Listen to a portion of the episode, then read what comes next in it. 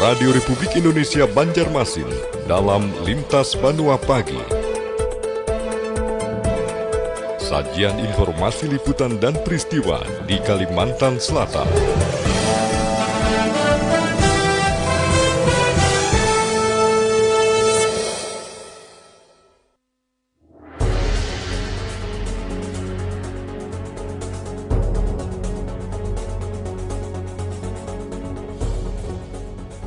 Dari Kalimantan Selatan, Indonesia, inilah Radio Republik Indonesia Banjarmasin. Bawaslu Kalimantan Selatan soroti arak-arakan tim pendukung bakal calon yang dikhawatirkan menjadi kelas terbaru penyebaran COVID-19. Hanya saja arak-arakan masih terjadi. Kemudian juga penggunaan masker eh, kadang-kadang dilepas pada saat di luar.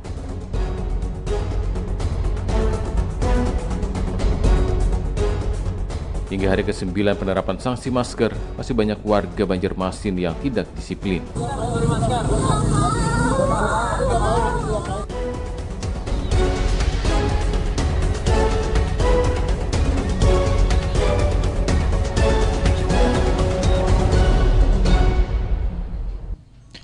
Selamat pagi para pendengar sekalian di mana pun Anda berada. Selain dua topik berita tersebut, sejumlah informasi kami rangkai dalam Lintas Benua Pagi. Edisi Kamis 10 September 2020 bersama saya Haji Muhammad Sukamta dan saya Nurul Hikmah Sukamta. Lintas, Lintas Benua, Pagi, Pagi selengkapnya. selengkapnya.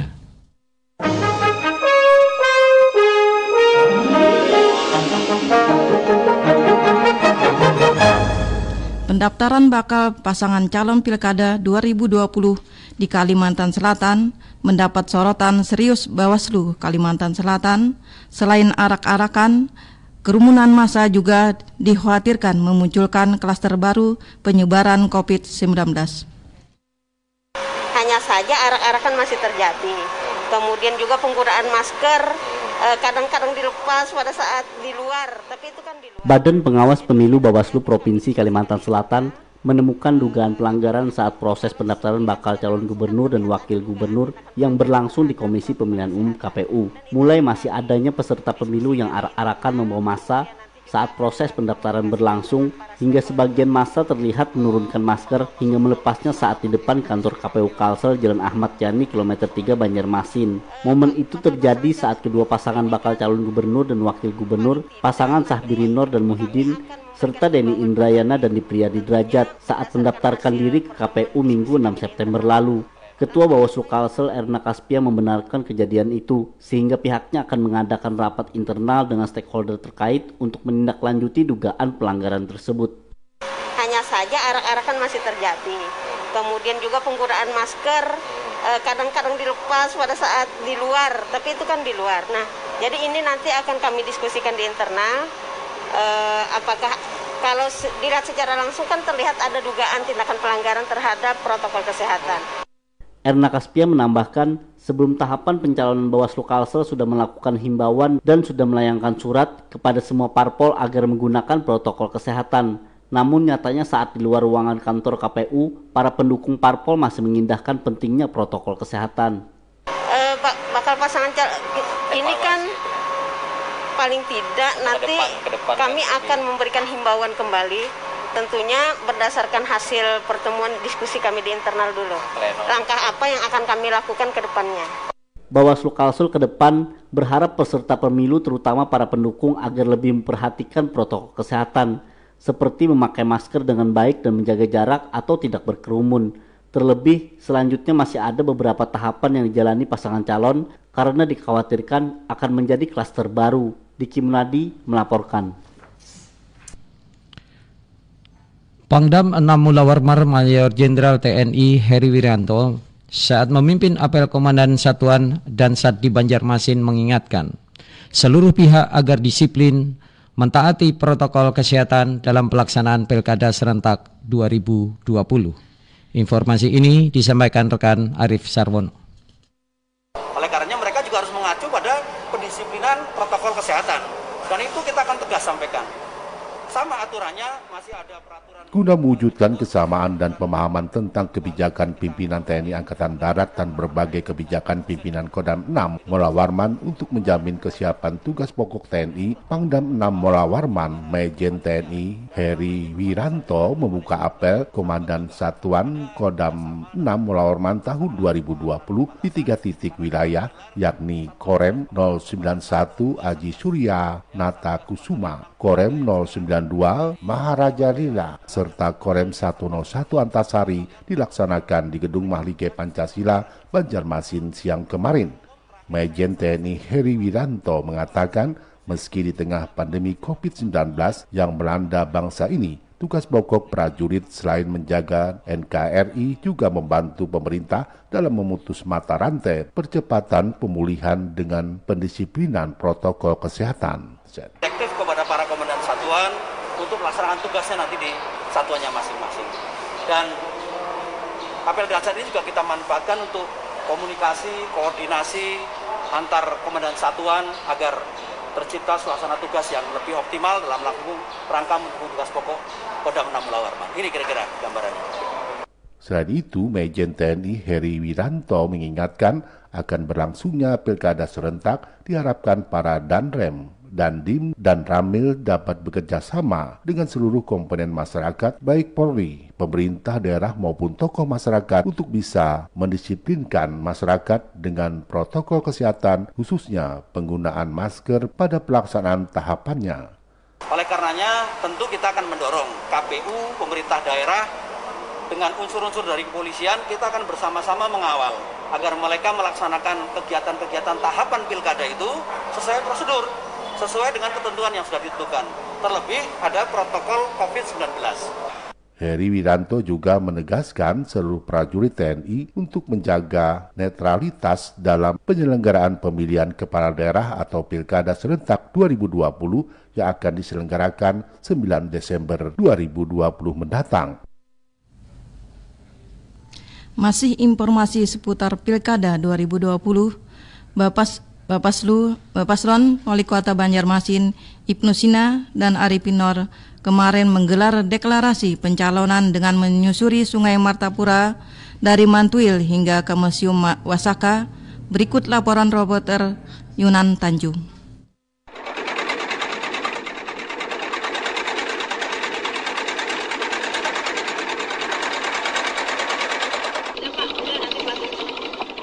Menggunakan 9 perahu motor atau kelotok dan tetap memperhatikan protokol kesehatan, pasangan bakal calon wali kota dan wakil wali kota Banjarmasin Ibnu Sina Aripinur memulai perjalanan dari dermaga Kelurahan Mantuil di Pulau Bromo, Banjarmasin Selatan menuju depan Museum Wasaka di Banjarmasin Utara guna melaksanakan acara deklarasi mereka ikut di Pilkada 9 Desember mendatang. Usai acara deklarasi, Ibnu Sina yang juga petahana kepada awak media menyatakan lima tahun ke depan apabila mereka terpilih sebagai pemimpin di kota Seribu Sungai ini akan membuat kota ini lebih maju dan bisa sejajar dengan kota-kota lainnya di Indonesia. Hari ini kita sukses melaksanakan deklarasi dengan menerapkan protokol kesehatan dan deklarasi ini kami laksanakan di salah satu kota tua yaitu Banu Anyar dan Sungai Jingah di mana lokasi Museum Wasaka spirit perjuangan, Pangeran Antasari, spirit perjuangan, seluruh para pahlawan kita, Israp, mudah-mudahan menjadi sebuah spirit bersama untuk membangun kota Banjarmasin yang lebih baik lagi ke depan. Habib Abdurrahman Bahasim atau Habib Banua, anggota DPD Kalsel yang meraih suara terbanyak pada pemilu legislatif lalu, mengaku mengapa dirinya mendukung pasangan Ibnu Arifin karena pasangan ini menurutnya dekat dengan para ulama dan habaib. Ia yakin pasangan ini juga akan memprioritaskan pembangunan di daerah pinggiran. Bapak Ibnu Sina dan Pak Arifin, memang beliau itu dekat dengan para ulama dan habaib dan tagline-nya juga tagline Mbak Iman. Ini representasi daripada culture budaya orang Banjar yang memang alhamdulillah senang ke majlis taklim, senang ke majlis ilmu, senang ke majlis maulid. Ini adalah menunjukkan kedekatan seorang pemimpin terhadap masyarakatnya. Pasangan Ibnu Sina Arifin Nur sendiri maju di pemilihan wali kota dan wakil wali kota Banjarmasin didukung oleh empat partai politik yakni Partai Demokrat, PKB, Partai Demokrasi Indonesia Perjuangan PDIP, dan Partai Solidaritas Indonesia atau PSI. Yunan Tanjung melaporkan. RRI Radio Tangga Bencana COVID-19 Pendengar, berikut update penanganan kasus COVID-19 di Kalimantan Selatan. Sebanyak 146 pasien COVID-19 berhasil sembuh. Sementara warga benua yang terpapar virus asal Wuhan, Cina tersebut bertambah menjadi 98 kasus. Sempat dalam beberapa hari, pasien COVID-19 yang sembuh berada di bawah angka 100 Kali ini mereka yang sudah dinyatakan sehat oleh tim medis bertambah 146 orang yang berasal dari berbagai daerah sehingga total warga Banua yang sembuh menjadi 7.058 pasien. Sementara mereka yang masih dirawat di rumah sakit atau tempat karantina dan isolasi mandiri masih berjumlah 1.562 orang. Mengutip data dari tim gugus tugas percepatan penanggulangan COVID-19 Kalimantan Selatan, Rabu, menyebutkan Umumnya mereka yang sembuh ini berasal dari tempat perawatan karantina di 9 daerah.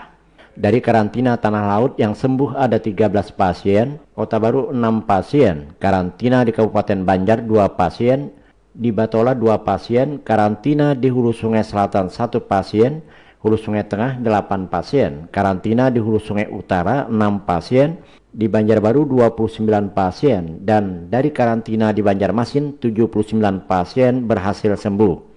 Yang terkonfirmasi COVID-19 ada penambahan sebanyak 98 kasus sehingga secara keseluruhan yang terpapar virus ini menjadi 9.001 kasus. Dari Tanah Laut ada satu kasus, Kota Baru 14 kasus, Hulu Sungai Selatan 7 kasus, Hulu Sungai Tengah 2 kasus, Hulu Sungai Utara 13 kasus, Banjarbaru 2 kasus dan Kota Banjarmasin 59 kasus. Pasien positif yang meninggal dunia bertambah 5 kasus berasal dari Hulu Sungai Selatan dan Hulu Sungai Tengah, masing-masing 2 kasus dan 1 kasus dari Hulu Sungai Utara. Hingga total menjadi 381. Mereka yang suspek atau diduga terjangkit COVID-19 saat ini berjumlah 759 orang. Faujal Banjari melaporkan. Hingga hari ke-9, penerapan sanksi protokol kesehatan COVID-19, masih banyak warga Banjarmasin yang tidak disiplin mengenakan masker. Selengkapnya kita ikuti laporan reporter Aulia Rahman.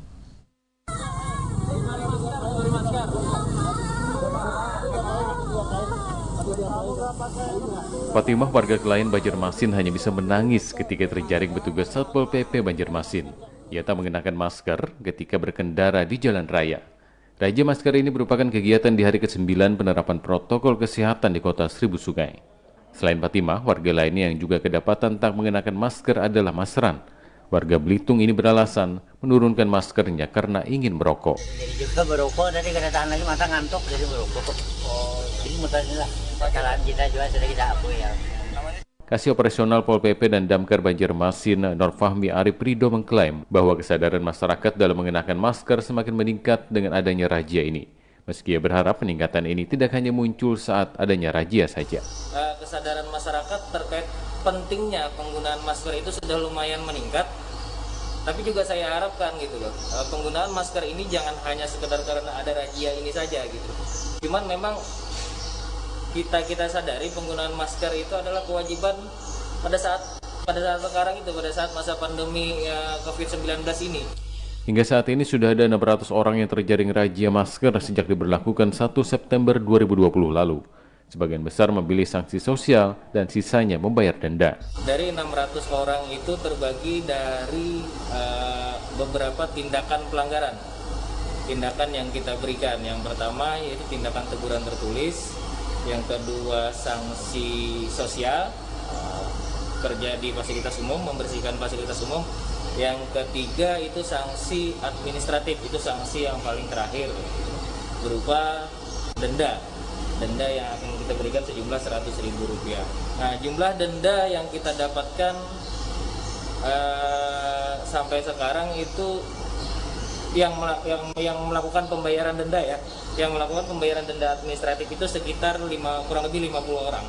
Sisanya itu ada teguran tertulis ada juga yang mengerjakan sanksi sosial Sementara itu pendengar hingga tadi malam kasus terkonfirmasi positif COVID-19 di Banjarmasin, Kalimantan Selatan sudah menyentuh angka 3.065 orang dengan pasien meninggal dunia mencapai 158 orang. Anda sedang mengikuti berita-berita RRI Banjarmasin.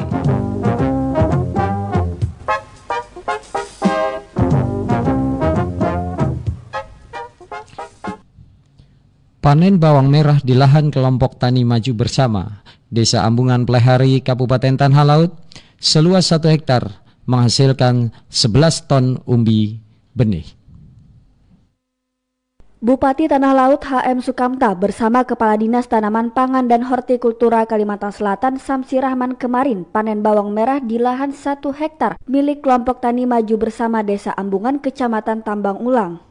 Menurut Kabit Hortikultura Dinas TPH Kalimantan Selatan Elina Mardiati, hasil panen dihitung dari hasil ubinan atau 21 ton lebih panen basah. Super Philip sama Bima Brebes. Kan kalau Super Philip ini uh, umbinya besar-besar. Yang tadi sih umbinya besar-besar pas satu tanaman tuh bahkan ada yang sampai 12. Tapi kalau yang umbinya besar-besar itu sekitar 6. Kita bantuin satu, satu ton. Dikabarkan reporter Ai Kuswana, bawang merah varietas Super Philip akan kembali dibudidayakan kelompok tani maju bersama secara mandiri. Sedangkan pemerintah hanya membantu benih satu ton per hektar. Penangkaran bawang merah di tanah laut bukan hanya di desa Ambungan, tetapi juga di desa Durian, Bongkok, Batu Ampar. Liberta Anastasia melaporkan. Tunjukkan rasa empati di tengah pandemi COVID-19 RRI Banjarmasin berbagi kebahagiaan menyambut HUT RRI ke-75 dengan melakukan kunjungan ke panti asuhan dan Duapa Mijan Amanah. Menjelang hari ulang tahun RRI ke-75 pada 11 September 2020, RRI Banjarmasin melaksanakan kunjungan sosial ke panti asuhan yatim dan Duafa Mizan Amanah. Kehadiran Kepala RRI Banjarmasin didampingi Kepala Bidang dan Bagian disambut hangat anak-anak serta pengurus panti asuhan. Kepala Panti Asuhan Yatim dan Duafa Mizan Amanah Mardiono mengatakan, saat ini mengasuh 18 orang anak dan hanya mengandalkan sumbangan sukarela dari berbagai instansi maupun perseorangan. Ia juga berterima kasih atas kunjungan RRI, terlebih di masa pandemi COVID-19 saat ini yang sangat berdampak terhadap panti asuhan yang ia kelola. Kalau sekarang anak asuh kita di sini ada 18 Pak. Terasa sekali ya, terutama memang dari kunjungan pun juga berkurang, donasi pun juga berkurang.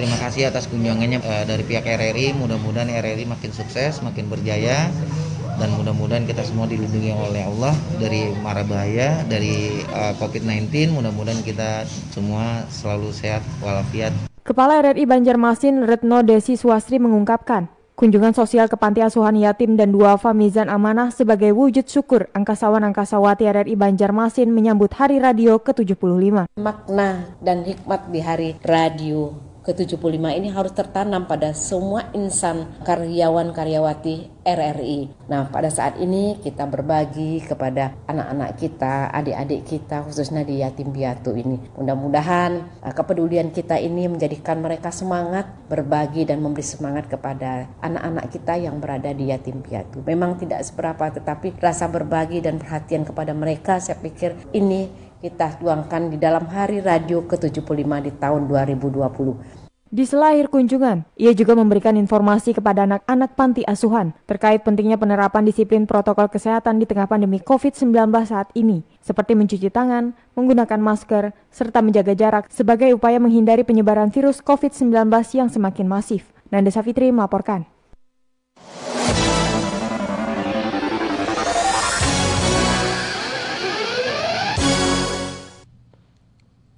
Pendengar, Kampung Seni Budaya Universitas Lambung Mangkurat ke-12 besok mulai digelar. Kegiatan ini diisi dengan panggung apresiasi, lomba mandihin, dan malam puncak. Bangsa Indonesia merupakan bangsa yang multikultural dan pluralis, yang membuat bangsa Indonesia memiliki bermacam-macam seni dan kebudayaan. Namun seiring berkembangnya zaman di era globalisasi, seni dan budaya dari warisan para leluhur sudah mulai dilupakan dan tergantikan oleh budaya-budaya dari bangsa asing. Sebagai kaum muda yang mencintai kebudayaan bangsa, sudah sepatutnya terus melestarikan dan menjaga kebudayaan agar tidak hilang seperti Madihin. Itulah deskripsi tema ketahanan seni tutur dari Lomba Madihin se-Kalimantan Selatan yang turut mewarnai arus seni dan disnatalis yang ke-12 Kampung Seni Budaya Universitas Lambung Mangkurat yang akan dilaksanakan tanggal 11 sampai 12 September 2020. Ketua Panitia Pelaksana Ratu Andina Adiputri kepada RRI mengatakan tema kegiatan Manggung Indung di Tanjung Mandung. Sedangkan rangkaian acara seperti panggung apresiasi, lomba madihin, dan malam puncak. Di panggung apresiasi itu biasanya banyak komunitas-komunitas seni maupun individual yang mengapresiasi acara kami seperti tari, musik, dan lain-lain yang berkaitan ya memang dengan seni juga. Di malam puncak itu nanti akan ada penampilan dari para anggota muda Kampung Seni Budaya Universitas Lambung Mangkurat. Untuk masyarakat Kalimantan Selatan, terutama para generasi muda Banjar yang tidak bisa berhadir di acara tersebut, dapat menyaksikannya di Instagram KSB underscore OLM. Junaidi Nasri melaporkan. Go 1 RRI Banjarmasin, kanal inspirasi. Pendengar, RRI dulu masih terkenang hingga kini. Demikian ungkapan Sekretaris DPRD Kalimantan Selatan, Rojani Ansah, mengenang siaran RRE dulu yang kini berusia 75 tahun. Reporter Surya Purnama melaporkan untuk Anda.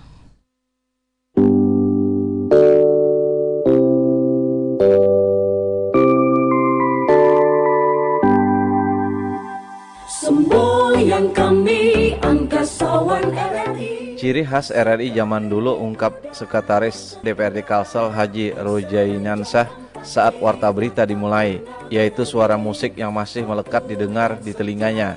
Selain itu program-program yang disuguhkan juga saat ini beragam, seiring dengan perkembangan zaman atau teknologi.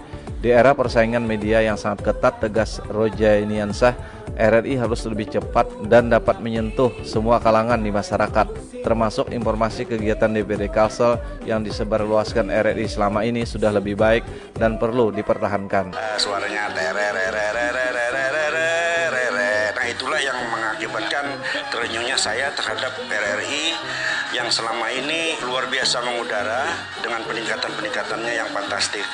Saya kira ulang tahun ini eh, RRI juga mempunyai momentum untuk ke depannya menjadi angkasawan terdepan dan saya berharap masyarakat-masyarakat tersentuh dengan radio ini uh, tidak diabaikan dengan uh, sekarang zamannya digital. RRI masih mendapat tempat di hati masyarakat, termasuk kalangan milenial, baik kawasan perkotaan maupun pedesaan, asal ditunjang dengan program kekinian. Jadi di zaman digital ini juga uh, pihak RRI sudah tentu mempersiapkan apa-apa yang jenis-jenis yang bisa dinikmati atau didengarkan oleh masyarakat luas melalui media-media yang tersedia. RRI harus tetap berdiri di atas kepentingan umum, tidak memihak satu sama lain, dapat memberikan informasi yang benar serta akurat sehingga dipercaya oleh seluruh lapisan masyarakat, khususnya Banua Kalimantan Selatan.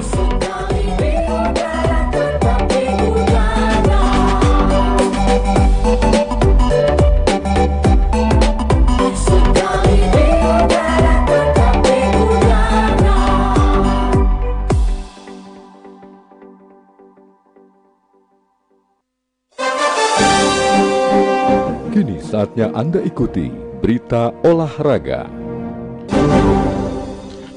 Ratusan komunitas sepeda di kota Banjarmasin memeriahkan goes bersama dalam rangka Hari Olahraga Nasional ke-37.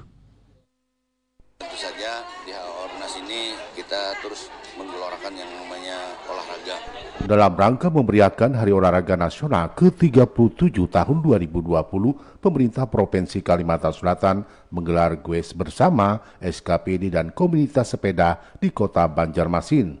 Diikuti ratusan pesepeda di kota Banjarmasin dengan rute 25 km start dan finish di halaman Gedung Mahlige Pancasila dibuka dan diikuti langsung oleh Gubernur Kalimantan Selatan Haji Sahbidinur. Gubernur yang akrab disapa Paman Birin mengatakan bersamaan dengan Hari Olahraga Nasional ke-37 tahun 2020 kita terus menggelarakan olahraga terlebih di masa pandemi COVID-19.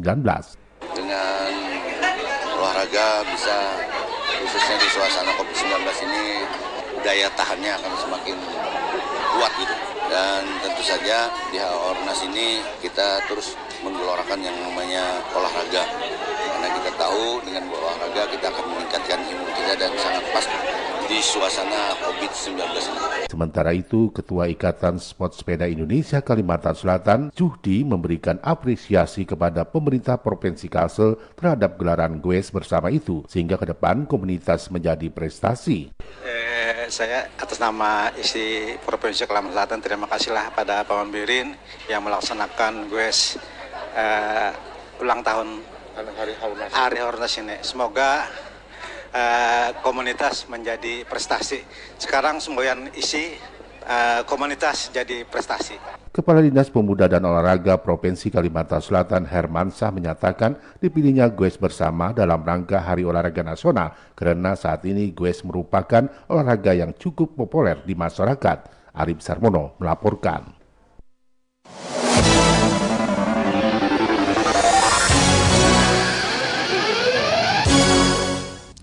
Sanksi mengabaikan protokol kesehatan pada penyelenggaraan Pilkada serentak 2020 menjadi topik komentar RRI disampaikan Diana Winarno. Saudara, pemilihan kepala daerah Pilkada serentak tahun 2020 yang digelar di tengah pandemi COVID-19 menjadi sorotan banyak pihak sebab masih banyak bakal pasangan calon kepala daerah dan simpatisannya abai menerapkan protokol kesehatan pencegahan COVID-19. Seperti halnya di Kalimantan Selatan pada proses pendaftaran Bapaslon sangat nampak terlihat masih adanya peserta pemilu yang arak-arakan membawa masa hingga sebagian masa terlihat menurunkan masker bahkan melepasnya. Padahal ini baru tahapan pendaftaran Bapaslon. Bagaimana dengan tahapan-tahapan lain termasuk masa kampanye? Badan Pengawas Pemilu Bawaslu Provinsi Kalimantan Selatan telah menemukan dugaan pelanggaran saat proses pendaftaran bakal calon gubernur dan wakil gubernur berlangsung di KPU.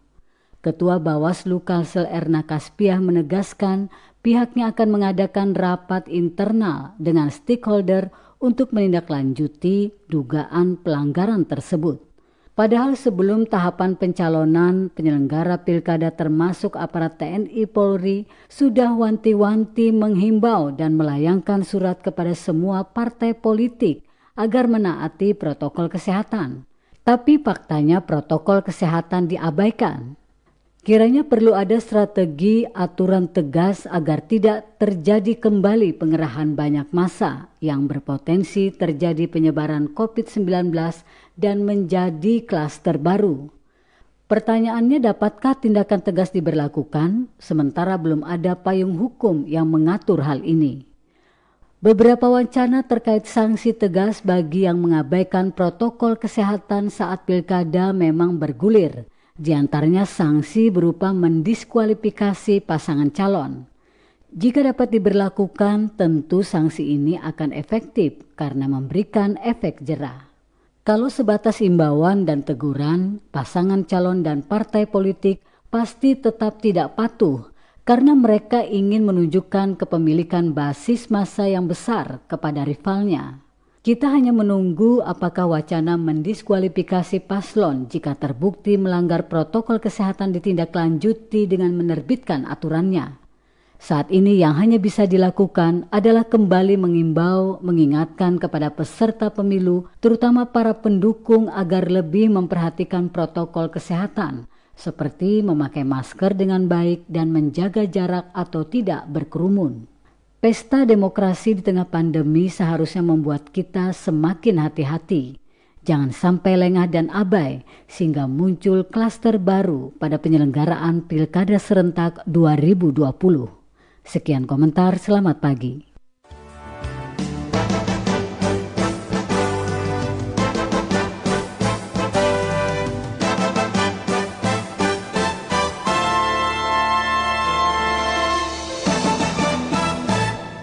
Para pendengar, demikian lintas benua pagi edisi hari Kamis 10 September 2020. Terima kasih atas kebersamaan Anda. Saya Haji Muhammad Sukamta dan saya Nur Hikmah. Selamat, Selamat pagi.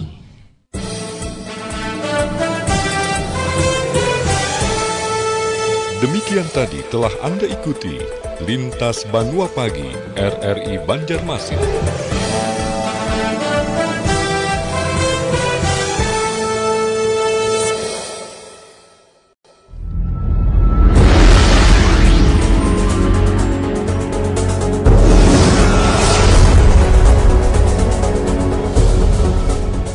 Dari Kalimantan Selatan Indonesia. Inilah Radio Republik Indonesia Banjarmasin.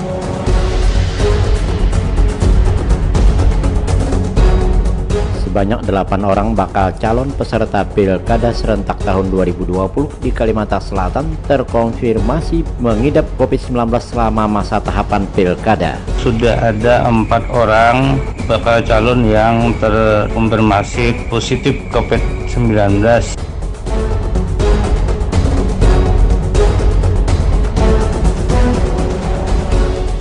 Anggota kepolisian Kalimantan Selatan berikan bantuan smartphone gratis kepada siswa yang kurang mampu. Akhirnya kita inisiatif kita gunakan, kita pasang wifi, kita gunakan untuk belajar daring.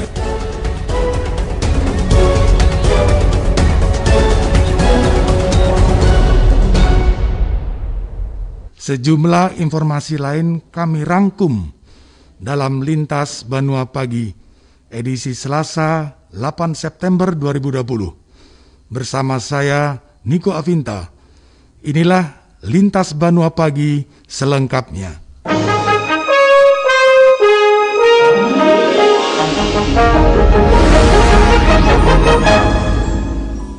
Sebanyak 8 bakal pasangan calon Bapaslon Pilkada Serentak 2020 di Kalimantan Selatan positif COVID-19 ada delapan orang di Kalimantan Selatan. Sampai hari ini eh, terkonfirmasi positif sehingga yang delapan orang ini Komisi Pemilihan Umum Provinsi Kalimantan Selatan mencatat setidaknya ada delapan bakal calon peserta pilkada tahun 2020 diketahui mengidap COVID-19 saat tahapan pilkada memasuki hari kedua jadwal pemeriksaan Senin kemarin di mana empat di antaranya sudah diketahui positif sebelum memasuki tahapan pendaftaran bakal pasangan calon di KPU. Sedangkan empat lainnya diketahui usai dilakukan swab test yang merupakan tahap awal rangkaian pemeriksaan kesehatan bakal pasangan calon di Rumah Sakit Umum Daerah Ulin Banjarmasin minggu sebelumnya. Hal tersebut diakui Ketua KPU Kalsel Sarmuji.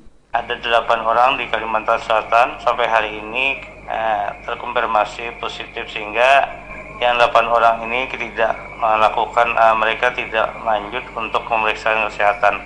Untuk empat orang yang terdeteksi lebih dulu, yakni bakal calon wali kota Banjarbaru Aditya Mukti Arifin, bakal calon bupati dan wakil bupati kota baru Burhanuddin dan Bahrudin, serta bakal calon wakil wali kota Banjarmasin Habib Ali.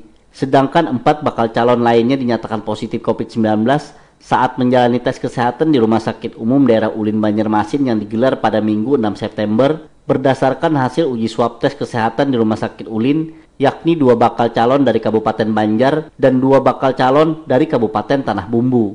Hari pertama uh, peserta pemilihan masuk ke Rumah Sakit Umum Daerah Ulin Banjarmasin untuk pemeriksaan kesehatan, tes swab mereka itu positif terkonfirmasi positif ada empat orang. Sementara bakal calon yang menjalani tes kesehatan pada Senin kemarin, hasil uji swabnya dinyatakan negatif, termasuk dua bakal pasangan calon gubernur dan wakil gubernur Kalsel Sahbiri Nur Muhyiddin dan juga Denny Indrayana di Priyadi Derajat. Kendati demikian, Sarmuji menegaskan bagi calon yang dinyatakan positif COVID-19 tidak mempengaruhi proses pendaftaran. Hanya saja mereka terpaksa menunda untuk medical check up atau pemeriksaan menyeluruh akan dilakukan setelah kesehatan mereka dinyatakan negatif COVID-19. Diki Munadi melaporkan. Sementara itu, dua bakal pasangan calon Bapaslon Gubernur dan Wakil Gubernur Kalsel 2020, Paman Birin Muhyiddin dan Denny Indrayana di Friadi Derajat kemarin menjalani pemeriksaan kesehatan di RSUD Ulin, Banjarmasin. Sesuai prosedur standar KPU, tahapan pemeriksaan kesehatan meliputi bebas COVID-19, jasmani, rohani, serta bebas penyalahgunaan narkoba. Berikut laporan Nanda Safitri. Karena e, kalau misalnya positif, maka yang bersangkutan ditunda dilakukan pemeriksaan kesehatan lanjutannya sampai yang bersangkutan negatif. Nah, kalau sudah negatif baru Setelah dua bakal pasangan calon gubernur dan wakil gubernur 2020, Sabirinor Haji Muhyiddin dan Denny Indrayana di Free Derajat resmi terdaftar di KPU Kalimantan Selatan. Tahapan selanjutnya dua pasangan menjalani pemeriksaan kesehatan di RSUD Ulin Banjarmasin.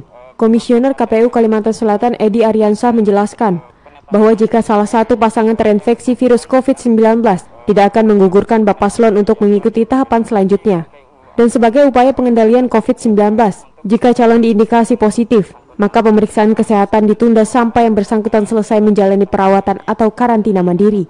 Tidak untuk sebagai bentuk pengendalian terhadap uh, penyebaran uh, COVID-19 uh, karena uh, kalau misalnya positif maka yang bersangkutan ditunda dilakukan pemeriksaan kesehatan. Selain itu, kata Edi, jika salah satu Bapaslon terinfeksi COVID-19 untuk penetapan bagi pasangan akan ditunda hingga yang bersangkutan dinyatakan negatif. Namun konsekuensinya, jika proses pemeriksaan kesehatan calon ditunda, maka ada potensi jadwal penetapannya sebagai calon dan pengundian nomor urut ikut diundur. Dengan begitu kesempatan waktu untuk kampanye juga berkurang. Jadwal normal penetapannya itu kan di tanggal 23 September.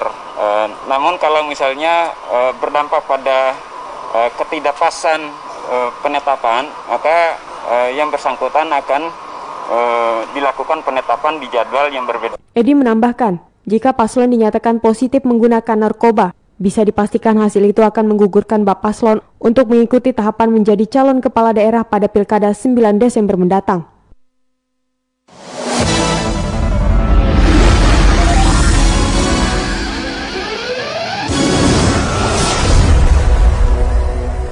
MD Banjarmasin ingatkan anggota legislatif agar tidak mengutamakan kegiatan partai politik pada Pilkada 2020 mereka mendatangi gedung DPRD Kalsel sambil berorasi, meminta anggota dewan tetap menjalankan tugas dan fungsinya sebagai wakil rakyat. Pian sudah mempunyai jagoan masing-masing untuk memimpin baik gubernur, wali kota Tahapan-tahapan pilkada gubernur, bupati dan wali kota sudah berproses. Terakhir kemarin pendaftaran bakal calon pimpinan daerah ke Komisi Pemilihan Umum Daerah masing-masing. Tim pemenangan dan tim sukses pun sudah dibentuk oleh kandidat pasangan bakal calon pimpinan daerah. Namun khusus bagi wakil rakyat yang duduk di DPRD Kalsel, hendakkah tidak ikut-ikutan melakukan kampanye mendukung di antaranya bakal calon tersebut ungkap juru bicara Ketua Porpeban Banjarmasin Din Jaya di hadapan anggota DPD Kalsel saat menyampaikan aspirasinya menyangkut tahapan Pilkada 2020. Anggota DPRD Kalsel tetap pada tugas dan fungsinya menyerap aspirasi masyarakat. Juga masalah pilkada, biarkan tim-tim pian bergerak untuk memenangkan calon masing-masing. Oh. Namun harapan kami pian tetap bertugas di rumah rakyat, dibeli oleh rakyat, pian digaji oleh rakyat. Oh. Sampai pian meninggalkan rumah kami. Hidup rakyat! Itu harapan kami. Sementara itu, Sekretaris Komisi 3 DPRD Kalsel Pangeran Haji Abidin Sah didampingi beberapa wakil rakyat Firman Yusi, Yani Helmi, Habib Musa, dan Aris Gunawan pada prinsipnya menerima aspirasi LSM tersebut, seraya akan mengkomunikasikannya dengan Ketua DPRD Kalsel melalui paripurna DPRD Kamis mendatang. Apa pun hasilnya akan ia sampaikan menyangkut tuntutan LSM tersebut. Rekan-rekan LSM yang sudah datang ke kita untuk menyampaikan aspirasi ke lah. Jadi kita prinsipnya siap menerima apa pun yang disampaikan oleh mereka. Tadi mereka ada masalah pilkada. Masyarakat ini meminta supaya anggota DPR ini tidak umpat lah artinya dalam masalah pilkada. Nah jadi jangan sampai menjadi anggota ataupun tim pemenangan lah dari salah satu bakal calon atau calon pilkada ini. Nah pada prinsipnya ya sesuai aturan main kita juga kan ya tuh kita kan sudah di sini gitu ya. Nah alhamdulillah mudah-mudahan kita ini tetap komitmen. Jadi tetap bekerja di DPR. Nanti ini akan kita sampaikan ke ketua DPR bahwa menginstruksikan kepada semua anggota DPR untuk tidak ikut di dalam tim pemenangan lah. Ini seperti itu. Tapi kalau mereka secara pribadi itu terserah mereka lah. Tapi kalau dalam kelembagaan sebagai anggota DPR itu kan boleh. Saya rasa ada aturannya itu. Mekanismenya ada. Mudah-mudahan hari Kamis kan paripurna. Jadi kami paripurna kan kita suruh mengulah surat, surat surat masuk lah dari ke DPR. Jadi nanti akan diumumkan oleh Insya Allah mudah-mudahan bisa diumumkan oleh ketua DPR nanti hari Kamis. Haji Abidin Sah mengakui tidak semua aspirasi yang berkembang di masyarakat dapat diserap anggota DPRD saat reses tapi melalui aspirasi LSM ini sangat terbantu bagi Dewan untuk menindaklanjuti. Surya Permana melaporkan. BPJS Kesehatan memberikan keringanan pembayaran tunggakan atau relaksasi iuran di masa pandemi COVID-19. Peserta yang menunggak hanya membayar 6 bulan ditambah satu bulan berjalan. Terkait dengan ekonomi, kita memberikan program relaksasi, keringanan pembayaran. Dari 4.055.406 orang penduduk wilayah Kalimantan Selatan di semester 2 tahun 2019 yang menjadi peserta JKN KIS per 1 Agustus 2020 tercatat 3.232.478 jiwa. Di Kalimantan Selatan ada lima kabupaten yang berhasil mencapai UHC atau seluruh masyarakatnya sudah terdaftar sekitar 95 persen, yaitu Balangan dan Hulu Sungai Selatan 100 persen, Hulu Sungai Tengah 95,87 persen, Hulu Sungai Utara 96,75 persen, dan Tabalong 98,03 persen. Dalam kegiatan ngobrol penuh inspirasi ngopi bareng JKN bersama media sekalimantan, Deputi Direksi Wilayah BPJS Kesehatan Wilayah Kalimantan Timur, Tengah, Selatan, dan Utara, Priyo Hadi Susatyo mengatakan kontribusi BPJS Kesehatan di masa pandemi salah satunya adalah dengan kegiatan program keringanan pembayaran tunggakan JKN atau relaksasi iuran, di mana peserta yang menunggak hanya membayar 6 bulan plus satu bulan berjalan. Sisanya dicicil hingga akhir tahun 2021. Selain itu juga menerapkan protokol kesehatan bagi pegawai dan area pelayanan peserta. Makanya kita adakan yang namanya mobil JKE, tadi yang Vika, mobil Vaskes. Terkait dengan ekonomi, kita memberikan program relaksasi, keringanan pembayaran yang punya piutang lebih dari 6 bulan, kita ringankan. Cukup bayar 6 bulan plus satunya, sisanya yang 6 bulan itu, itu dicicil dan kita beri waktu sampai dengan akhir 2021. Sementara itu, Kepala Cabang BPJS Kesehatan Banjarmasin Agus Supratman menanggapi tentang klaim informasi terkait pembayaran pelayanan dan juga kerjasama dengan pihaknya. Ketika ada informasi, tentunya memang sangatlah perlu kita saling berkoordinasi dan komunikasi yang baik, terutama agar clear tentunya. Selama COVID, terjadi penurunan pemambatan JKN KIS sekitar 40-60 persen. Hal itu juga sesuai dengan himbauan pemerintah agar sebisa mungkin tidak ke rumah sakit. Junedi Nasri melaporkan.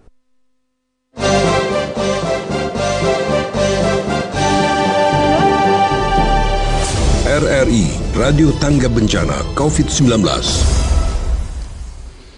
Pasien terkonfirmasi positif COVID-19 di Kalsel bertambah 77 kasus. Sementara mereka yang sembuh sebanyak 40 pasien. Berikut laporannya. Sejak awal ditemukannya pasien terkonfirmasi COVID-19 di Kalimantan Selatan akhir Maret lalu, hingga kini warga Banua yang terjangkit COVID-19 setiap harinya selalu ada penambahan. Walau jumlahnya terus berfluktuasi, data terakhir menunjukkan ada 77 orang yang terpapar virus asal Wuhan Cina ini. Mengutip data dari tim gugus tugas percepatan penanggulangan COVID-19 Kalimantan Selatan menyebutkan, kenaikan kasus baru ini berasal dari lima daerah. Dari Tanah Laut ada dua kasus, Kota Baru 19 kasus, Hulu Sungai Selatan 4 kasus, Tanah Bumbu 31 kasus, dan Kota Banjarbaru 21 kasus. Hingga total yang terjangkit menjadi 8.837. Yang sembuh juga ada penambahan sebanyak 40 pasien yang berasal dari enam daerah. Umumnya mereka sembuh berasal dari tempat perawatan karantina. Dari karantina di Kota Baru, tiga pasien yang sembuh. Karantina di Hulu Sungai Tengah, 4 pasien. Dari karantina di Hulu Sungai Utara, 8 pasien. Dari karantina di Tanah Bumbu, 9 pasien.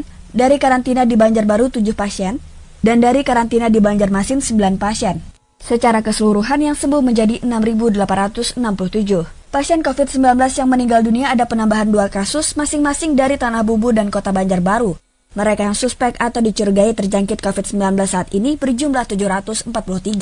Liberta Anastasia melaporkan. Pendengar, disiplin semua pihak mematuhi protokol kesehatan menjadi kunci utama dalam mencegah dan memutus mata rantai penyebaran COVID-19 di Kalimantan Selatan. Informasi ini disampaikan Ahmad Surya Permana. Selama vaksin COVID-19 belum ditemukan, maka perilaku disiplin modal utama di dalam pencegahan penyebaran COVID-19 di tengah masyarakat. Kepada RRI, Kapolda Kalsel Irjen Pol Niko Avinta menjelaskan, masyarakat Banua Kalsel sudah terlihat tinggi tingkat disiplinnya, terutama memakai masker, cuci tangan maupun jaga jarak, tetapi perlu lebih ditingkatkan lagi kedisiplinan tersebut. COVID-19 belum aman, baik di Kalsel maupun di berbagai daerah di Indonesia. Karena itu tetap patuhi protokol kesehatan di mana pun berada. Saya rasa sudah ada, namun perlu ditingkatkan ya disiplin masyarakat terkait uh, protokol COVID ini. Karena saya yakin dengan adanya disiplin ini, maka masyarakat akan terbiasa. Karena belum ditemukannya obat atau vaksin ini, maka disiplin adalah obat daripada menghadapi COVID. TNI dan Polri, Pol PP serta Satgas COVID-19 Tegas Kapolda Kalsel selalu bekerja sama dan koordinasi di dalam pencegahan penyebaran virus corona. Polri melalui Babinsa maupun satuan lain terus memberikan pemahaman pencegahan COVID-19. Surya Permana melaporkan. Anda sedang mengikuti berita-berita RRI Banjarmasin.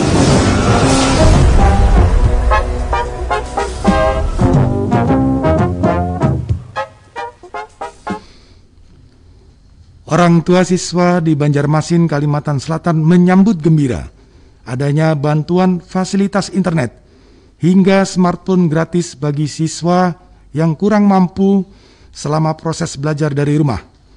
Bantuan ini diberikan secara sukarela oleh anggota kepolisian di daerah ini yang tergerak hatinya untuk membantu sesama. Berikut laporan Awila Raman. Dan sangat-sangat membantu kami sebagai rumah tangga Kebijakan belajar dari rumah berbasis online atau daring tidak menjadi masalah bagi mereka yang berkemampuan cukup. Namun lain halnya dengan siswa dari kalangan keluarga kurang mampu. Jangankan untuk membeli koneksi internet, sebagian bahkan tak memiliki fasilitas lain yang mendukung program pengganti belajar tatap muka tersebut. Miris dengan keadaan itu, anggota Polresta Banjarmasin, Komisaris Polisi Wahyu Hidayat merasa terpanggil untuk membantu problem yang dihadapi para pelajar. Lelaki yang saat ini menjabat sebagai Kasat Res Narkoba Polresta Banjarmasin itu membeli 8 unit komputer bekas warnet yang kemudian direkondisi agar layak digunakan untuk belajar online. Sementara untuk tempat belajarnya digunakanlah ruang pos polisi di Pasar Sudi Mampir Banjarmasin. Saya punya inisiatif, saya izin ke Bapak Kapolres untuk membuat pos ini, pos pol Sudi Mampir ini di lantai duanya waktu itu saya lihat kan kosong jadi tidak digunakan akhirnya kita inisiatif kita gunakan kita pasang wifi kita gunakan untuk belajar daring adanya inisiatif ini mendapat sambutan positif dari orang tua siswa sebagaimana penuturan Siti Jubaida. Dan sangat-sangat membantu kami sebagai ibu rumah tangga memakai kuota menambah pengeluaran lah. Apalagi di musim break ini kan terlalu banyak pengeluaran tapi pemasukan kurang. Tidak hanya itu pendengar, petugas polisi lainnya juga tergerak hatinya untuk membantu sesama.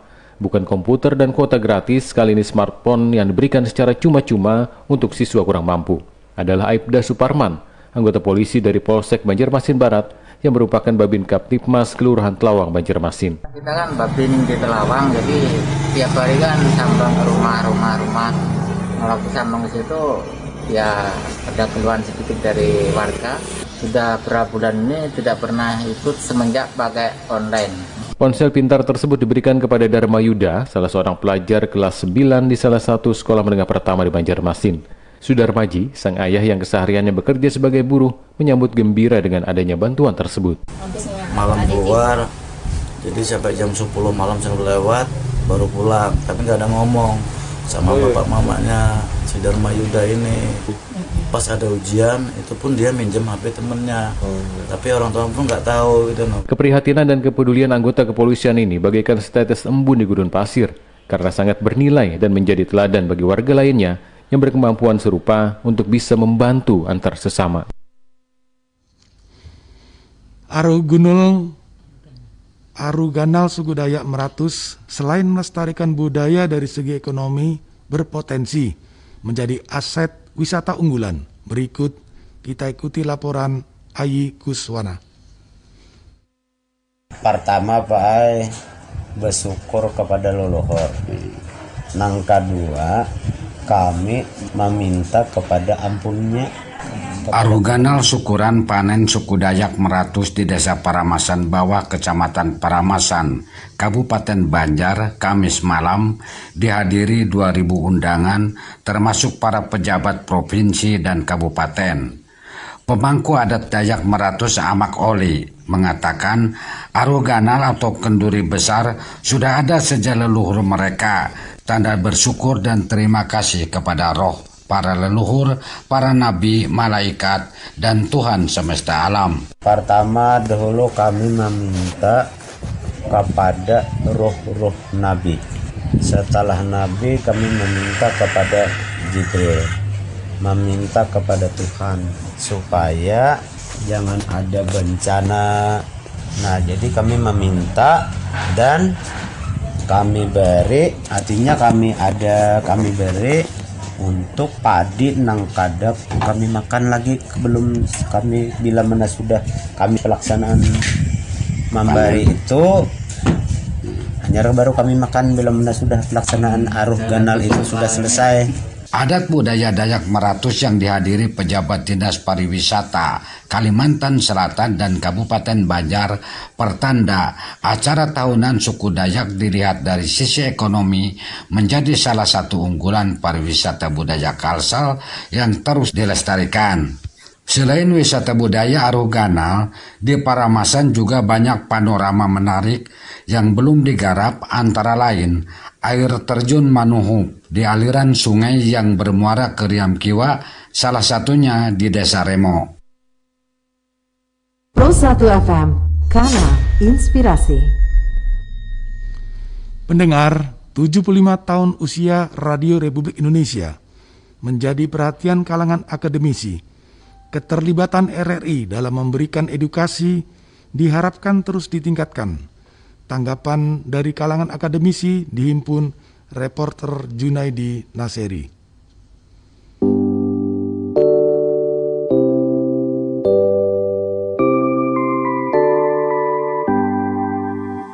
Semboyan kami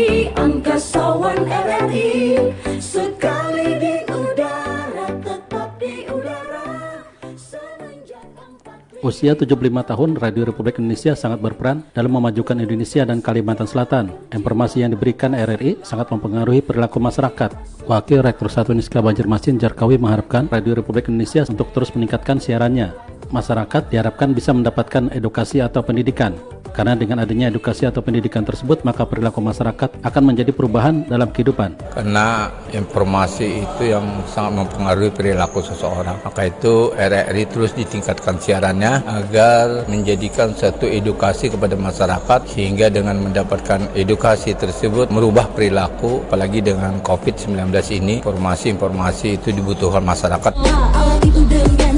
RRI sebagai legend radio, menurut Pak Jirenur Anugrah, Wakil Ketua 3 Bidang Kemahasiswaan dan Alumni Sekolah Tinggi Ilmu Hukum Sultan Adam Banjarmasin, diharapkan memperhatikan kalangan milenial yang menggunakan sarana gadget, sehingga ia juga memperhatikan RRI Play di sisi lain, menurut Pak Jirian, RRI juga harus memperhatikan rekrutmen para generasi milenial. Legendnya radio ini harus juga diimbangi dengan perkembangan teknologi. Misalkan radio online sekarang lebih banyak gadget, istilahnya mahasiswa maupun kalangan yang milenial itu tidak lagi mendengarkan radio, tapi dia digenggamannya di gadget. Untuk mengimbangi itu, untuk menghidupkan kembali radio itu, nah itu lebih ditonjolkan lagi.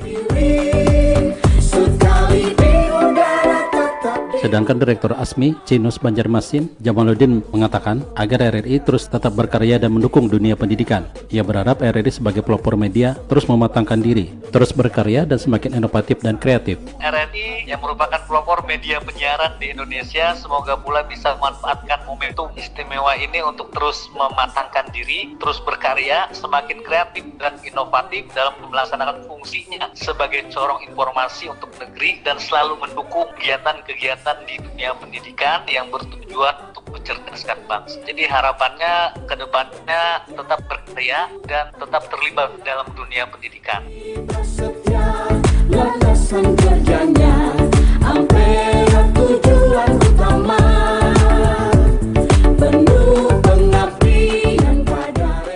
Ketua ST Indonesia Banjarmasin, Yanwar Bahtiar, dalam usia RRI ke-75 ini juga berharap agar RRI jangan terpaku pada pola-pola lama, seperti konten siaran yang harus berubah. Untuk RRI Net, Yanuar juga memberikan perhatian khusus. Yanuar mengingatkan agar RRI harus berlari lebih kencang untuk dapat memenuhi banyak perubahan. Mudah-mudahan RRI juga tidak terpaku lagi dengan pola-pola lama dan pengertian kontennya yang masih seperti dulu dan seterusnya perlu menyesuaikan juga dengan perubahan ini. Demikian tanggapan dari para akademisi untuk RRI yang berusia 75 tahun sekali di udara tetap di udara. setia Pancasila. Prasetya, landasan kerjanya,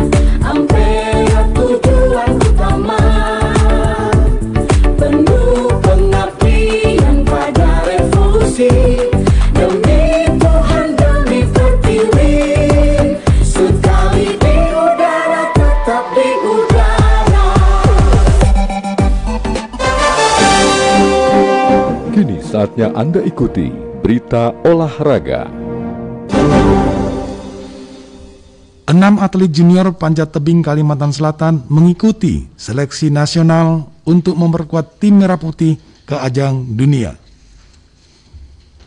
kita adakan seleksi daerah dan terpilih ada enam orang. Kalau kota kan Enam atlet junior daerah kabupaten enam kota berhasil terpilih pada seleksi yang diadakan oleh pengurus provinsi Federasi Panjat Tebing Indonesia Kalimantan Selatan. Enam dari delapan atlet junior berhasil terseleksi untuk mewakili Kalimantan Selatan di seleksi nasional di DKI Jakarta 14 hingga 19 September 2020 mendatang. Ketua Harian Federasi Panjat Tebing Indonesia Kalimantan Selatan, Bandi Hairullah menyatakan enam atlet junior yang berhasil lolos dalam seleksi yang diselenggarakan di kawasan Gor Hasanuddin HM Banjarmasin terdiri dari tiga atlet junior putra dan tiga atlet junior putri. Empat di antaranya menurut Bandi didominasi oleh atlet junior Banua 6 yaitu Muhammad Firdan Adika, Muhammad Reja Anhar, Fernandi Adi dari Kabupaten Tapin, dan Andika Nabela dari Kabupaten Hulu Sungai Tengah. Sedangkan dua atlet junior lainnya, Aura Rizani dari Banjarbaru dan Hudiah Laila Nisbi dari Kabupaten Tanah Laut. kita adakan seleksi daerah dan terpilih ada enam orang. Kalau kota kan per provinsi itu diminta enam kota, tiga putra dan tiga putri. Dalam rangka eh, rencananya tanggal 14 ini akan diberangkatkan ke Jakarta untuk mengikuti tes seleksi nasional tim atlet nasional kalau lolos nantinya. Sementara itu, atlet panjat tebing Muhammad Pir dan Andika menyatakan sebelum diumumkan seleksi nasional panjat tebing, ia bersama atlet lainnya fokus latihan di Banjarmasin. Dengan latihan yang intensif dan mentaati protokol kesehatan, optimis mampu lolos seleksi nasional. harapannya juara satu. Soalnya kalau ada ikut. Sering. Juara tiga. Ada pertandingan langsung latihan Sebelum dinyatakan lolos seleksi, keenam atlet panjat tebing junior harus melalui beberapa tahapan penilaian tes, di antaranya tes psikologis 30%, memanjat 30%, fisik 20%, dan kesehatan 20%. Pada seleksi nasional mendatang akan diambil empat atlet junior putra dan enam atlet junior putri untuk mengikuti pemusatan latihan nasional menghadapi kejuaraan dunia. Arif Sarwono melaporkan.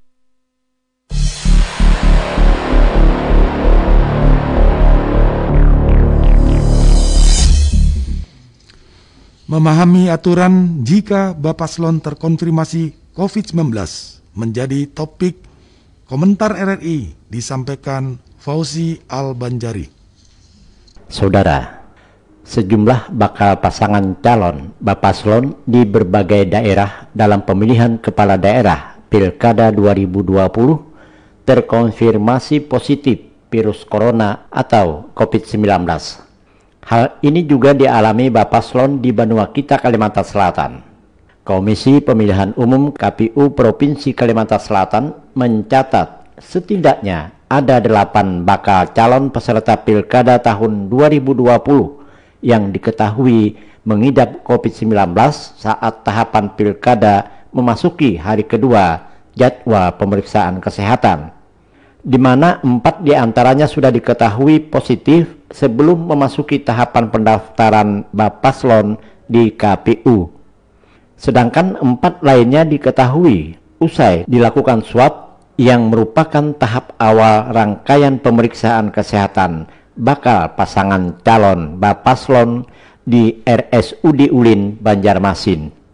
Namun Komisi Pemilihan Umum KPU pun menyebut hasil tes positif corona tidak bisa menggugurkan pendaftaran bakal paslon. Dari aspek aturan, jadi sudah diatur dalam PKPU nomor 10 tahun 2020 pada prinsipnya bakal paslon itu sebelum daftar KPU melakukan PCR atau swab mandiri.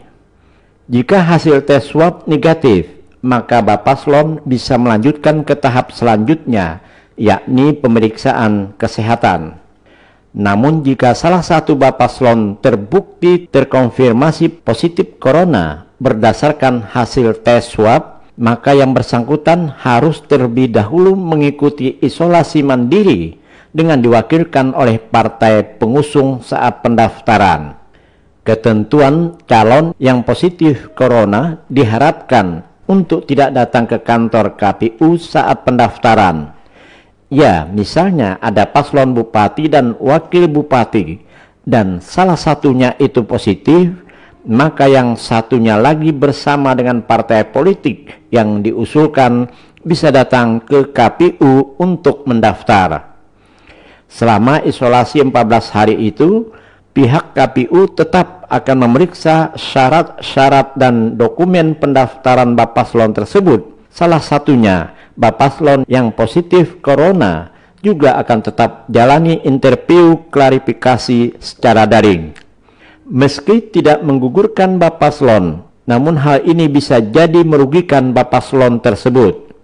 Pasalnya dengan ditundanya pemeriksaan kesehatan, maka penetapan Bapaslon tersebut sebagai pasangan calon paslon peserta pilkada juga tertunda. Sekian komentar, selamat pagi.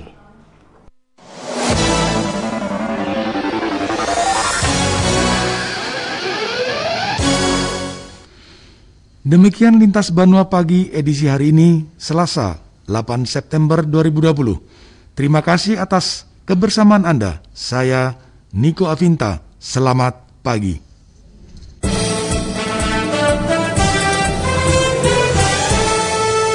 Demikian tadi telah Anda ikuti Lintas Banua Pagi RRI Banjarmasin.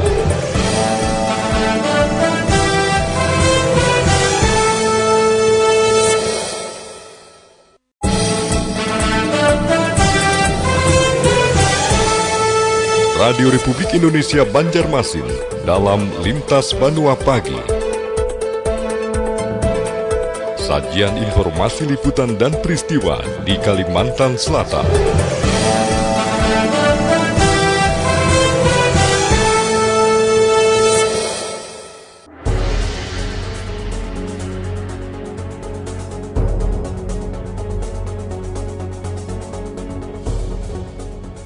Dari Kalimantan Selatan, Indonesia, inilah Radio Republik Indonesia Banjarmasin.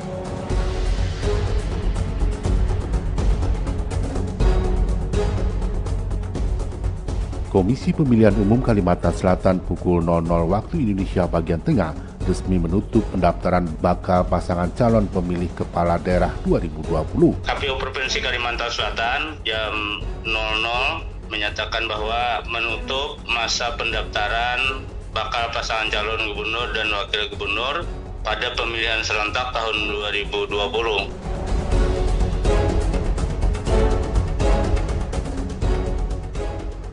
TNI prinsipnya siap tangani karhutla di Banua Kalsel dengan bekerjasama lintas sektoral se-Kalimantan Selatan. Untuk karhutla kami sudah siap, baik dari Pemda, terus kemudian dari TNI dan Polri sudah siap. Itu kami buktikan kita melaksanakan simulasi bagaimana kita menghadapi kebakaran hutan.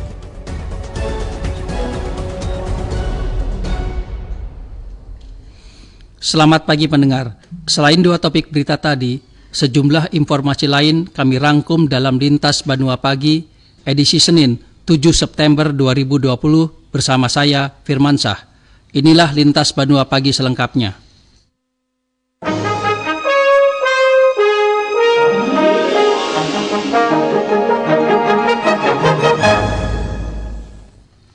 Komisi Pemilihan Umum KPU Kalimantan Selatan pukul 00 waktu Indonesia Tengah resmi menutup pendaftaran bakal pasangan calon pemilihan kepala daerah 2020 di Kalimantan Selatan. Dalam jumpa pers tadi malam, Ketua KPU Kalsel Sarbuji mengungkapkan bahwa paslon dalam pemilihan gubernur dan wakil gubernur Kalsel 2020 yang mendaftar hanya dua pasangan, yakni Sahbiri Nur Muhyiddin dan Deni Indrayana di Priyadi Darjat. KPU Provinsi Kalimantan Selatan jam 00 menyatakan bahwa menutup masa pendaftaran bakal pasangan calon gubernur dan wakil gubernur pada pemilihan serentak tahun 2020. Kami informasikan bahwa yang sudah mendaftar sampai saat ini adalah dua pasangan calon, yaitu pasangan calon Haji Syahbiri Nur dan H. Serta pasangan calon Haji Dini Indrayana dan Haji Dipriyadi. partai politik yang dapat mengusung bakal pasangan calon hanya tersisa satu partai politik yaitu Hati Nurani Rakyat atau Hanura di mana Hanura memiliki satu kursi dan dalam peraturan satu kursi ini tidak memenuhi 20% kursi di DPRD provinsi maka kami pastikan bahwa bakal pasangan calon yang akan uh, mengikuti pemilihan 2020 di Kalimantan Selatan berarti hanya dua pasangan calon untuk tahapan selanjutnya, KPU Kalsel melakukan verifikasi dokumen persyaratan terhadap dua Bapaslon tersebut. Jika persyaratan masih kurang, maka Bapaslon segera melengkapi sebelum penetapan pasangan calon pada 23 September 2020.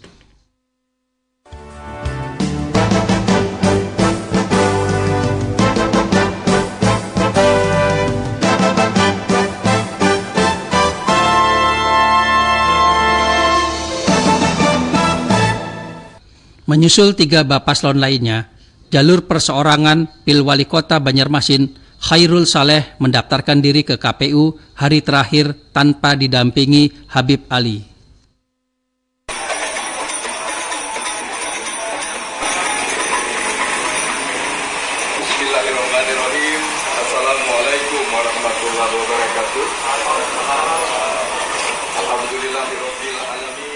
Melalui jalur perseorangan pasangan Khairul Saleh dan Habib Ali, menyusul tiga pasangan lainnya menjadi pasangan bakal calon wali kota dan wakil wali kota setelah berkas pendaftaran mereka diterima oleh KPU Banjarmasin pada minggu siang. Menjadi pasangan satu-satunya dengan jalur perseorangan di Pilwali 2020, sebelum menyerahkan berkas pasangan Khairul Saleh dan Habib Ali tiba di kantor KPU dengan iringan lantunan selawat hadrah. Usai penyerahan berkas, Ketua KPU Banjarmasin Rahmiati menyampaikan bahwa berkas pasangan Khairul Saleh dan Habib Ali telah diterima oleh pihaknya dan lengkap setelah melalui tahap proses verifikasi.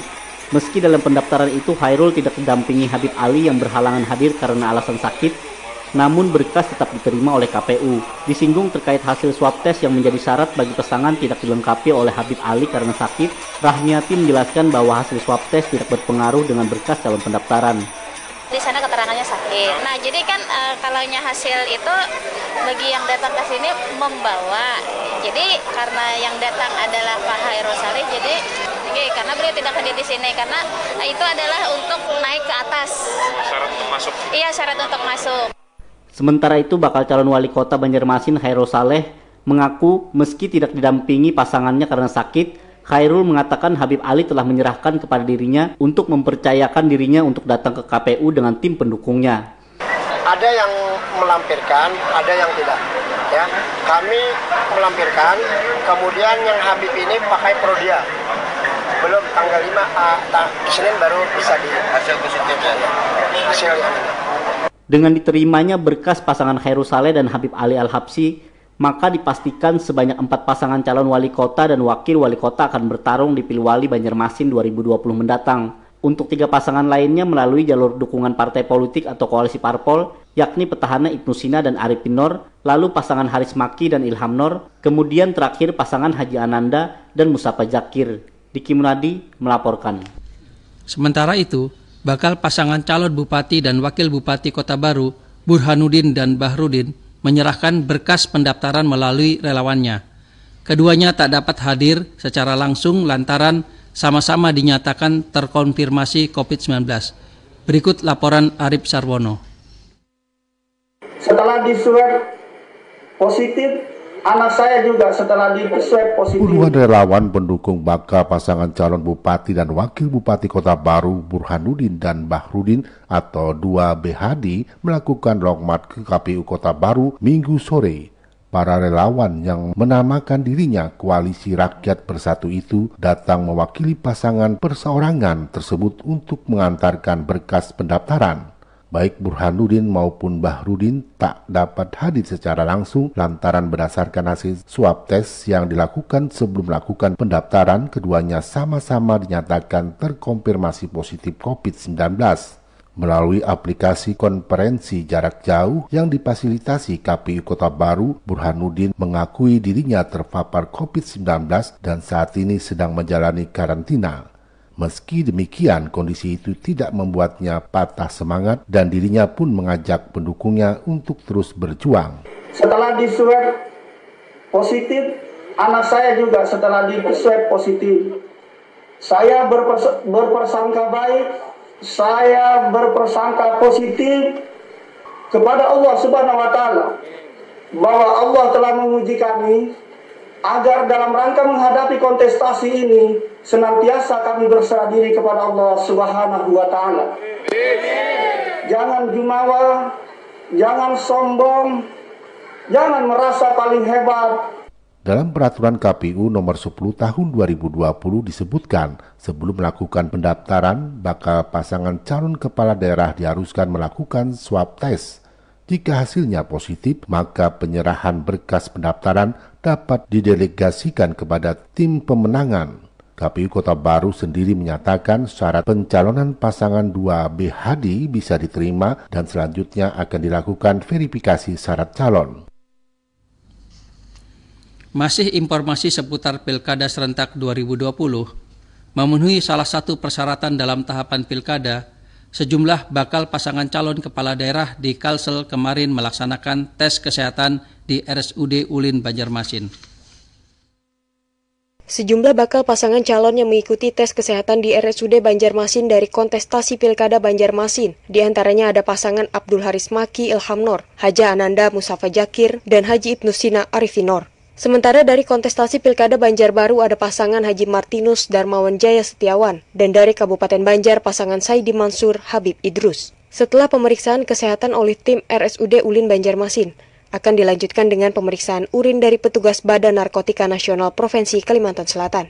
Ketua KPU Kalimantan Selatan Sarmuji mengungkapkan, pemeriksaan kesehatan bagi bakal calon yang mengikuti Pilkada 2020 di tengah pandemi COVID-19 maka agak berbeda dengan Pilkada sebelumnya, di mana pemeriksaan diatur berdasarkan kesiapan bakal pasangan calon yang sudah melaksanakan pendaftaran di KPU masing-masing kabupaten kota bersama beberapa pasangan bakal calon kepala daerah di Kalimantan Selatan yang mengikuti kontestasi pemilihan kepala daerah atau Pilkada tahun 2020. Pasangan bakal calon kepala daerah Banjarbaru Martinus Jaya mengawali pemeriksaan dengan melakukan tes swab COVID-19.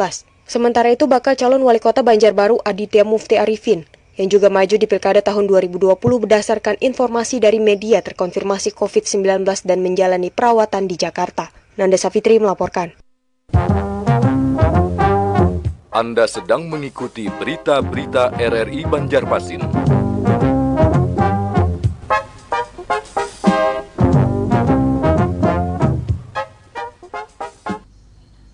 Beralih ke informasi lain, TNI bekerjasama dengan lintas sektoral sekalimantan Selatan menggencarkan sosialisasi kebakaran hutan dan lahan.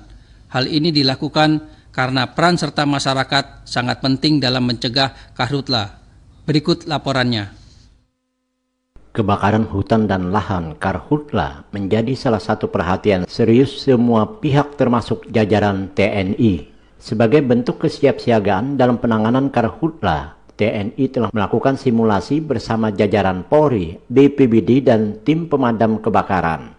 Dan Rem 101 Antasari, Brigjen TNI Firmansah kepada RRI mengatakan, Pihaknya semaksimal mungkin tahun ini mengupayakan Kalimantan Selatan minim karhutla seiring dengan gencarnya sosialisasi Satgas Karhutla kepada masyarakat. Menurutnya, peran serta masyarakat sangat penting dalam mencegah kebakaran hutan dan lahan, terutama di musim kemarau, mengingat dampak negatif yang ditimbulkan sangat besar bagi kehidupan. Untuk karhutla kami sudah siap baik dari Pemda, terus kemudian dari TNI dan Polri sudah siap. Itu kami buktikan kita melaksanakan simulasi bagaimana kita menghadapi kebakaran hutan. Dan itu juga sudah ditindaklanjuti untuk beberapa daerah yang lain, di mana uh, para bupati bekerjasama dengan Dandim, dengan Kapolres juga sudah melaksanakan simulasi-simulasi. Insya Allah dengan kesiapan kita seperti ini, kita akan lebih baik daripada tahun kemarin. Tahun ini kita juga bekerja sama dengan BNPD, terus kemudian kita juga ada di BP kan di tempat kita nanti ada dua heli yang siap untuk melaksanakan waterbombing. Selain pemetaan lokasi-lokasi potensi terjadinya karhutla, pihaknya juga menyiagakan sejumlah posko di beberapa lokasi. Menurut Danrem, setiap daerah melibatkan 50 orang per kodim atau dengan total sekitar 550 personel TNI. Ditegaskan Danrem 101 Antasari Brigjen TNI Firmansah, Satgas Karhutla Kalimantan Selatan tidak segan-segan melakukan tindakan tegas terhadap pelaku pembakaran hutan dan lahan dengan hukuman cukup berat, selain denda juga kurungan badan. Faujar Banjari melaporkan.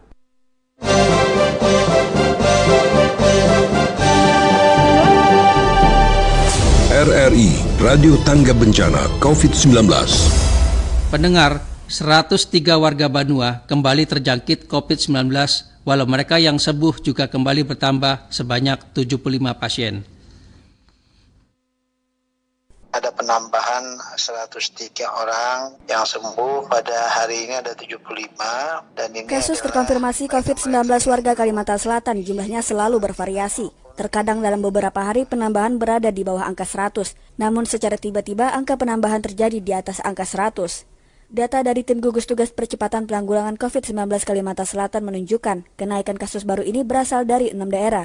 Ada penambahan 103 orang dan ini berasal dari di antaranya Tanah Laut ada 34, kemudian ada 14 dari Batola, ada satu dari Hulu Sungai Selatan 38 dari HST, kemudian ada 9 dari Banjarmasin, 7 dari Banjarbaru. Yang sembuh ada penambahan sebanyak 75 pasien yang berasal dari 8 daerah. Umumnya mereka sembuh setelah menjalani perawatan di tempat karantina. Secara keseluruhan, warga yang terjangkit COVID-19 berhasil sembuh menjadi 6.827 pasien. Dari karantina di Tanah Laut ada 27 pasien, dari karantina di Kabupaten Kota Baru 3 pasien, dari karantina di Kabupaten Banjar 2 pasien, dari karantina di Barito Kuala 28 pasien, dari karantina di Hulu Sungai Selatan 2 pasien, Banjarbaru 4 pasien, dan dari karantina di Banjarmasin 5 pasien. Yang sembuh pada hari ini ada 75 dan ini adalah mereka-mereka yang dirawat baik di karantina maupun di rumah sakit yang saat ini sedang dalam perawatan tersebut. Yang sudah meninggal beberapa waktu lalu dan terkonfirmasi positif COVID-19 bertambah tiga kasus, masing-masing satu kasus dari Kabupaten Banjar, Hulu Sungai Tengah, dan Banjarbaru. Hingga secara keseluruhan berjumlah 373 kematian. Mereka yang suspek atau diduga terjangkit COVID-19 saat ini berjumlah 757 orang. Liberta Nastasia melaporkan. Sementara itu, kasus COVID-19 di Kabupaten Banjar masih tinggi, sehingga swab massal kepada masyarakat termasuk para tenaga kesehatan akan terus dilanjutkan secara berkala. Informasi ini segera disampaikan reporter Aulia Rahman. Semakin banyak di swab itu semakin baik karena untuk menghentikan laju penularan. Swab massal yang digelar pemerintah Kabupaten Banjar sepanjang Agustus 2020 lalu sudah mencapai 2.700 sampel.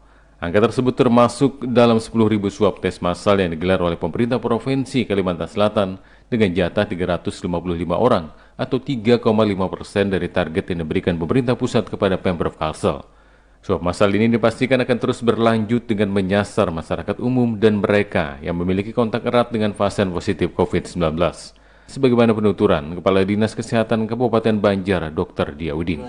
SD kita tetap swab dan sehari itu lebih 150-an juga yang masih di swab. Jadi walaupun uh, di secara kemarin swab masif yang dapat provinsi 10 ribu itu sebenarnya sudah selesai, tapi Kabupaten Banjar tetap melaksanakan selanjutnya. Nah prinsipnya semakin banyak di swab itu semakin baik karena untuk menghentikan laju penularan ini kita harus memisahkan antara yang positif dengan yang belum terinfeksi. Dokter Dia juga mengingatkan dengan dilanjutkannya program ini maka kemungkinan besar angka positif di daerah tersebut akan terus bertambah, termasuk di dalamnya para tenaga medis yang sangat rentan terpapar COVID-19. Ini kita mewajibkan nakes di puskesmas kita swab lagi walaupun sudah sebelumnya di swab kita swab ulang karena dinas dengan pelayanan publik ini selain berisiko untuk dirinya juga berisiko untuk orang lain yang dilayaninya. Hingga tadi malam mendengar 6 September 2020, kasus terkonfirmasi positif COVID-19 di Kabupaten Banjar mencapai 752 orang. Namun angka sembuh di daerah ini juga cukup tinggi, mencapai 632 pasien. Sedangkan jumlah yang meninggal dunia ada sebanyak 47 orang, yang di antaranya merupakan kepala SKPD wilayah tersebut. Pro 1 FM, kanal inspirasi. Memasuki usia ke-75 tahun, RRI harus mampu bersaing dengan media lain, terutama media online yang saat ini berkembang sangat pesat. Berikut tanggapan dari kalangan lembaga swadaya masyarakat yang dirangkum reporter Yunan Tanjung. Semboyan kami angkasawan RRI Sekali di Dengan sangat pesat perkembangan media saat ini menuntut Radio Republik Indonesia suka tidak suka harus ikut bersaing. Penyampaian informasi yang mudah dicerna dan jelas tentunya harus menjadi acuan RRI dalam menyampaikan informasi kepada masyarakat termasuk pemberantasan kasus kejahatan ataupun korupsi yang masih saja terus terjadi di daerah ini. Mewakili lembaga swadaya masyarakat yang ada di daerah ini, Ahmad Husaini selaku Ketua Komite Anti Korupsi Indonesia atau KAKI Kalimantan Selatan menyatakan bahwa pencapaian RRI dalam rangka kemerdekaan bangsa Indonesia ini sangatlah besar sehingga keberadaannya harus terus dipertahankan. Seperti kita ketahui bahwa kita selaku LSM lembaga swadaya masyarakat bagaimanapun RRI ini adalah sebagai tonggak sejarah. Jadi sejarah kemerdekaan negara Republik Indonesia ini tidak lepas daripada peran daripada Radio Republik Indonesia. Sekali lagi bahwa Radio Republik Indonesia ini pencapaiannya itu sangat besar terhadap kemerdekaan negara Republik Indonesia. Pancasila Selain itu pula, keberadaan RRI ke depan harus terus mencerdaskan kehidupan berbangsa dan bernegara karena saat ini media sudah sangat maju perkembangannya sehingga RRI harus siap bersaing dalam upaya menyampaikan informasi yang benar kepada masyarakat. Saran saya dengan eh, usia yang telah mencapai 75 ini tentu lebih matang dalam artinya bagaimanapun lebih matang. Dan juga ke depannya lebih mencerdaskan dari masyarakat khususnya masyarakat Kalimantan Selatan. Karena kita tahu bahwa saat sekarang ini bagaimana eh, media-media baik online juga yang begitu banyak. Namun kita sangat berharap RRI tetap maju ke depan terjejak terintegrasi dengan zaman. Bangkit untuk Indonesia maju sekali di udara tetap di udara. Selamat ulang tahun Radio Republik Indonesia yang ke-75 salam hormat merdeka. Demikian ungkapan perwakilan LSM di Kalimantan Selatan menanggapi keberadaan RRI yang pada tanggal 11 September mendatang akan berulang tahun ke-75.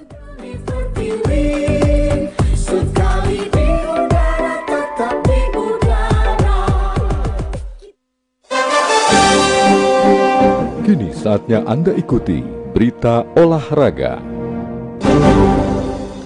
Persatuan Tinju Amatir Indonesia, Pertina, Kalimantan Selatan ditargetkan dua medali emas pada Pekan Olahraga Nasional PON 2021 di Papua.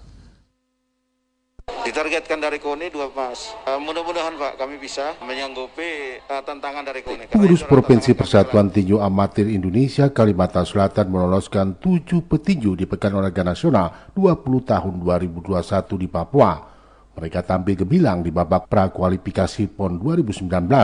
Pelatih tinju Kalimantan Selatan Simon menyatakan di prapon pertama di Maluku Utara September 2019, lima petinju yang meraih tiket PON Papua. Kemudian disusul dua petinju lainnya setelah meraih gelar di prapon kedua di Bogor Desember 2019. Ketujuh petinju itu yakni Prasetyo di kelas 52 kg, Adelia 45, Hanun Nur Asmi 49 kg, Beatrix Sukuro 51 kg, Adistia Auliana 54 kg, Silpa Lairatu 57 kg, dan Sarip Hidayatullah 81 kg. Tujuh petinju yang nantinya tampil di PON Papua ditarget dua medali emas. Ditargetkan dari KONI dua emas. Eh, mudah-mudahan Pak kami bisa menyanggupi eh, tantangan dari KONI karena itu adalah tantangan kami pelatih. Uh, Sugoro dan Silpa Lauratu. Tapi tidak menutup kemungkinan bisa ada kejutan dari yang lain. Untuk tesnya sudah berjalan Pak. Januari sampai.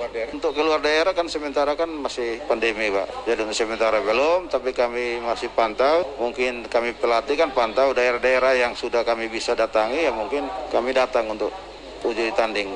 Sementara itu, atlet tinju PON Papua Mutia Adelia Putri menyatakan program latihan menghadapi PON sejak awal Januari 2020 telah melakukan latihan rutin setiap hari di Banjarmasin dan Banjarbaru. Latihannya latihannya kurang lebih sejam setengah. Ya, lagi fokus ke fisik. Ya, kalau bisa emas.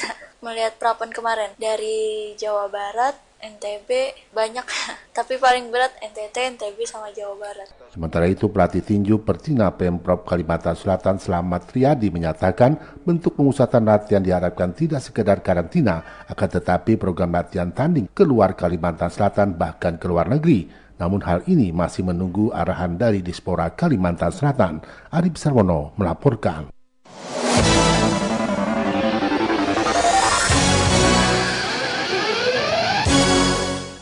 Mengawal tahapan pilkada hingga tuntas menjadi topik komentar RRI disampaikan Diana Winarno.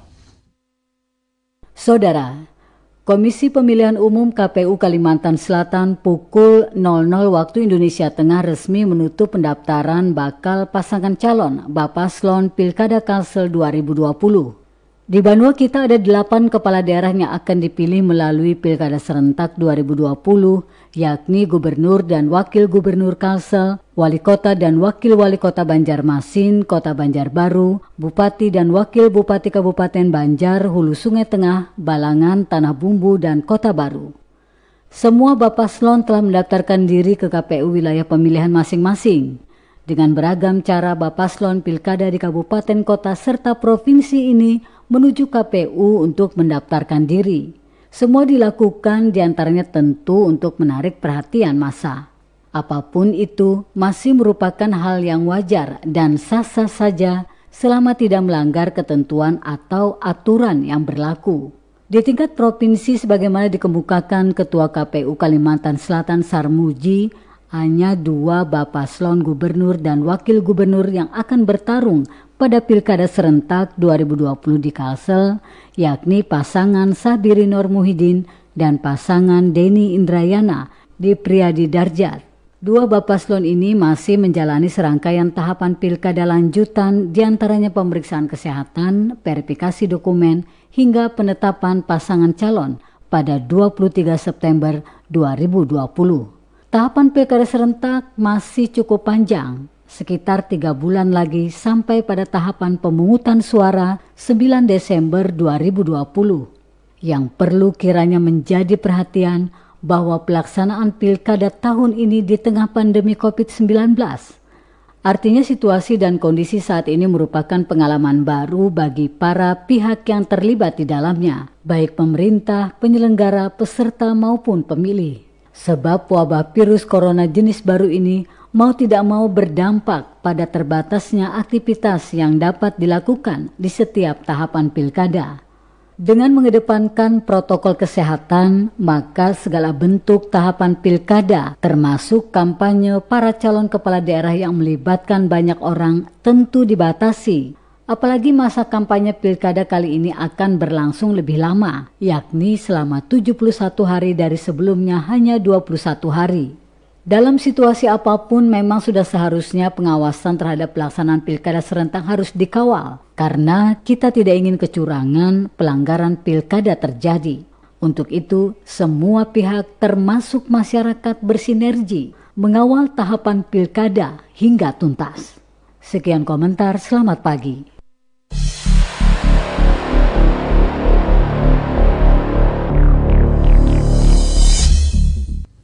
Demikian Lintas Banua Pagi, edisi hari Senin 7 September 2020. Terima kasih atas kebersamaan Anda.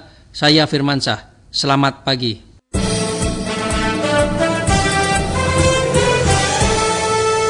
Demikian tadi telah Anda ikuti Lintas Banua Pagi RRI Banjarmasin.